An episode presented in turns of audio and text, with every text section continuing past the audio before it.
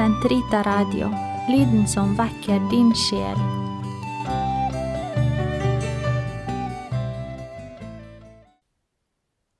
Den katolske kirkes katekisme, uke 36, torsdag 1506 til 1513.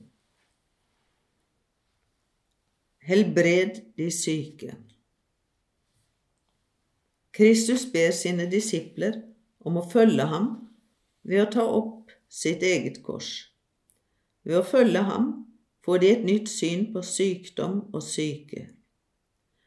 Jesus gjør dem delaktige i sitt liv i fattigdom og tjeneste. Han gir dem del i sin medlidenhets- og helbredelsestjeneste. Så dro de ut og forkynte for folk at de skulle omvende seg. De drev ut mange demoner, og mange syke salvet de med olje og helbredet dem. Markus 6, 12, 13. Den oppstandende Herre gjentar denne utsendelsen. I mitt navn skal dere kunne legge hen skal de kunne legge sine hender på syke og helbrede dem. Markus 16, 17, 18 og stadfeste den ved de tegn Kirken gjør ved å påkalle Hans navn. Disse tegnene tilkjennegir på en særlig måte at Jesus virkelig er Gud frelser. Den hellige ånd gir noen en særlig nådegave til å helbrede, slik at kraften i den oppstandenes nåde kan komme til syne.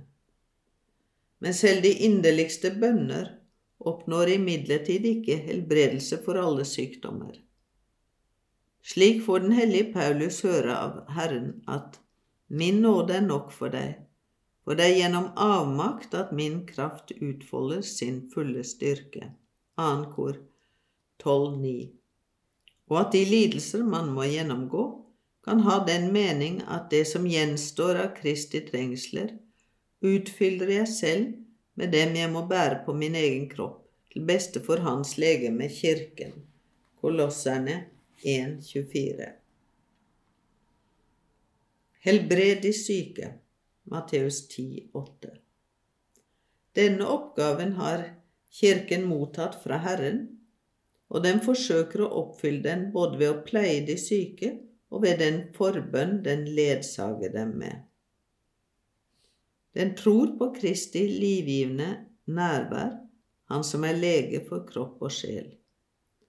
Dette nærvær gjør seg særlig gjeldende gjennom sakramentene, og på en helt spesiell måte gjennom eukaristien, det brød som gir evig liv, og hvor Sankt Paulus antyder en forbindelse med den legemlige sunnhet.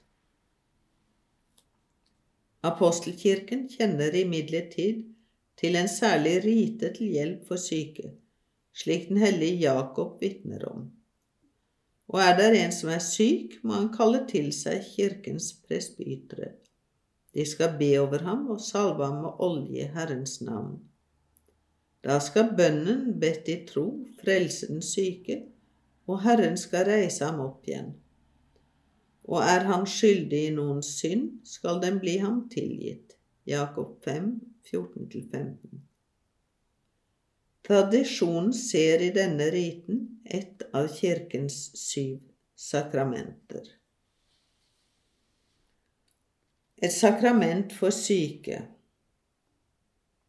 Kirken tror og bekjenner at det blant de syv sakramenter finnes et som er særlig ment å styrke dem som prøves av sykdom, sykesalvingen.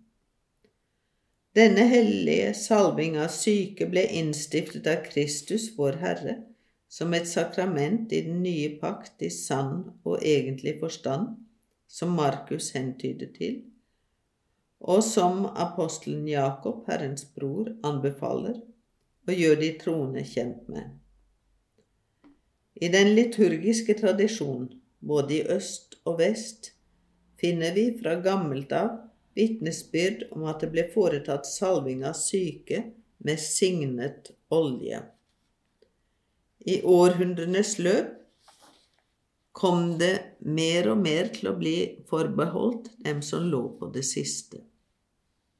Av den grunn fikk det navnet Den siste olje. Til tross for denne utviklingen har liturgien aldri unnlatt å be Herren om at den syke må få helsen tilbake, dersom det var til gagn for hans frelse. Den apostoliske konstitusjon Sacram Unctionem Infirmorum fra november 1972 i kjølvannet av det annet Vatikankonsil, bestemte at man i den romerske ritus fra nå av skulle overholde følgende. Sykesalvingens sakrament skal gis alvorlig syke ved at man salver dem på panne og hender med olje som er rettelig velsignet, olivenolje eller annen planteolje, og sier én gang Herren bistår deg med Den hellige ånds nåde ved denne hellige salving og ved sin rike barmhjertighet. Han frir deg fra dine synder, frelser deg og gir deg lindring.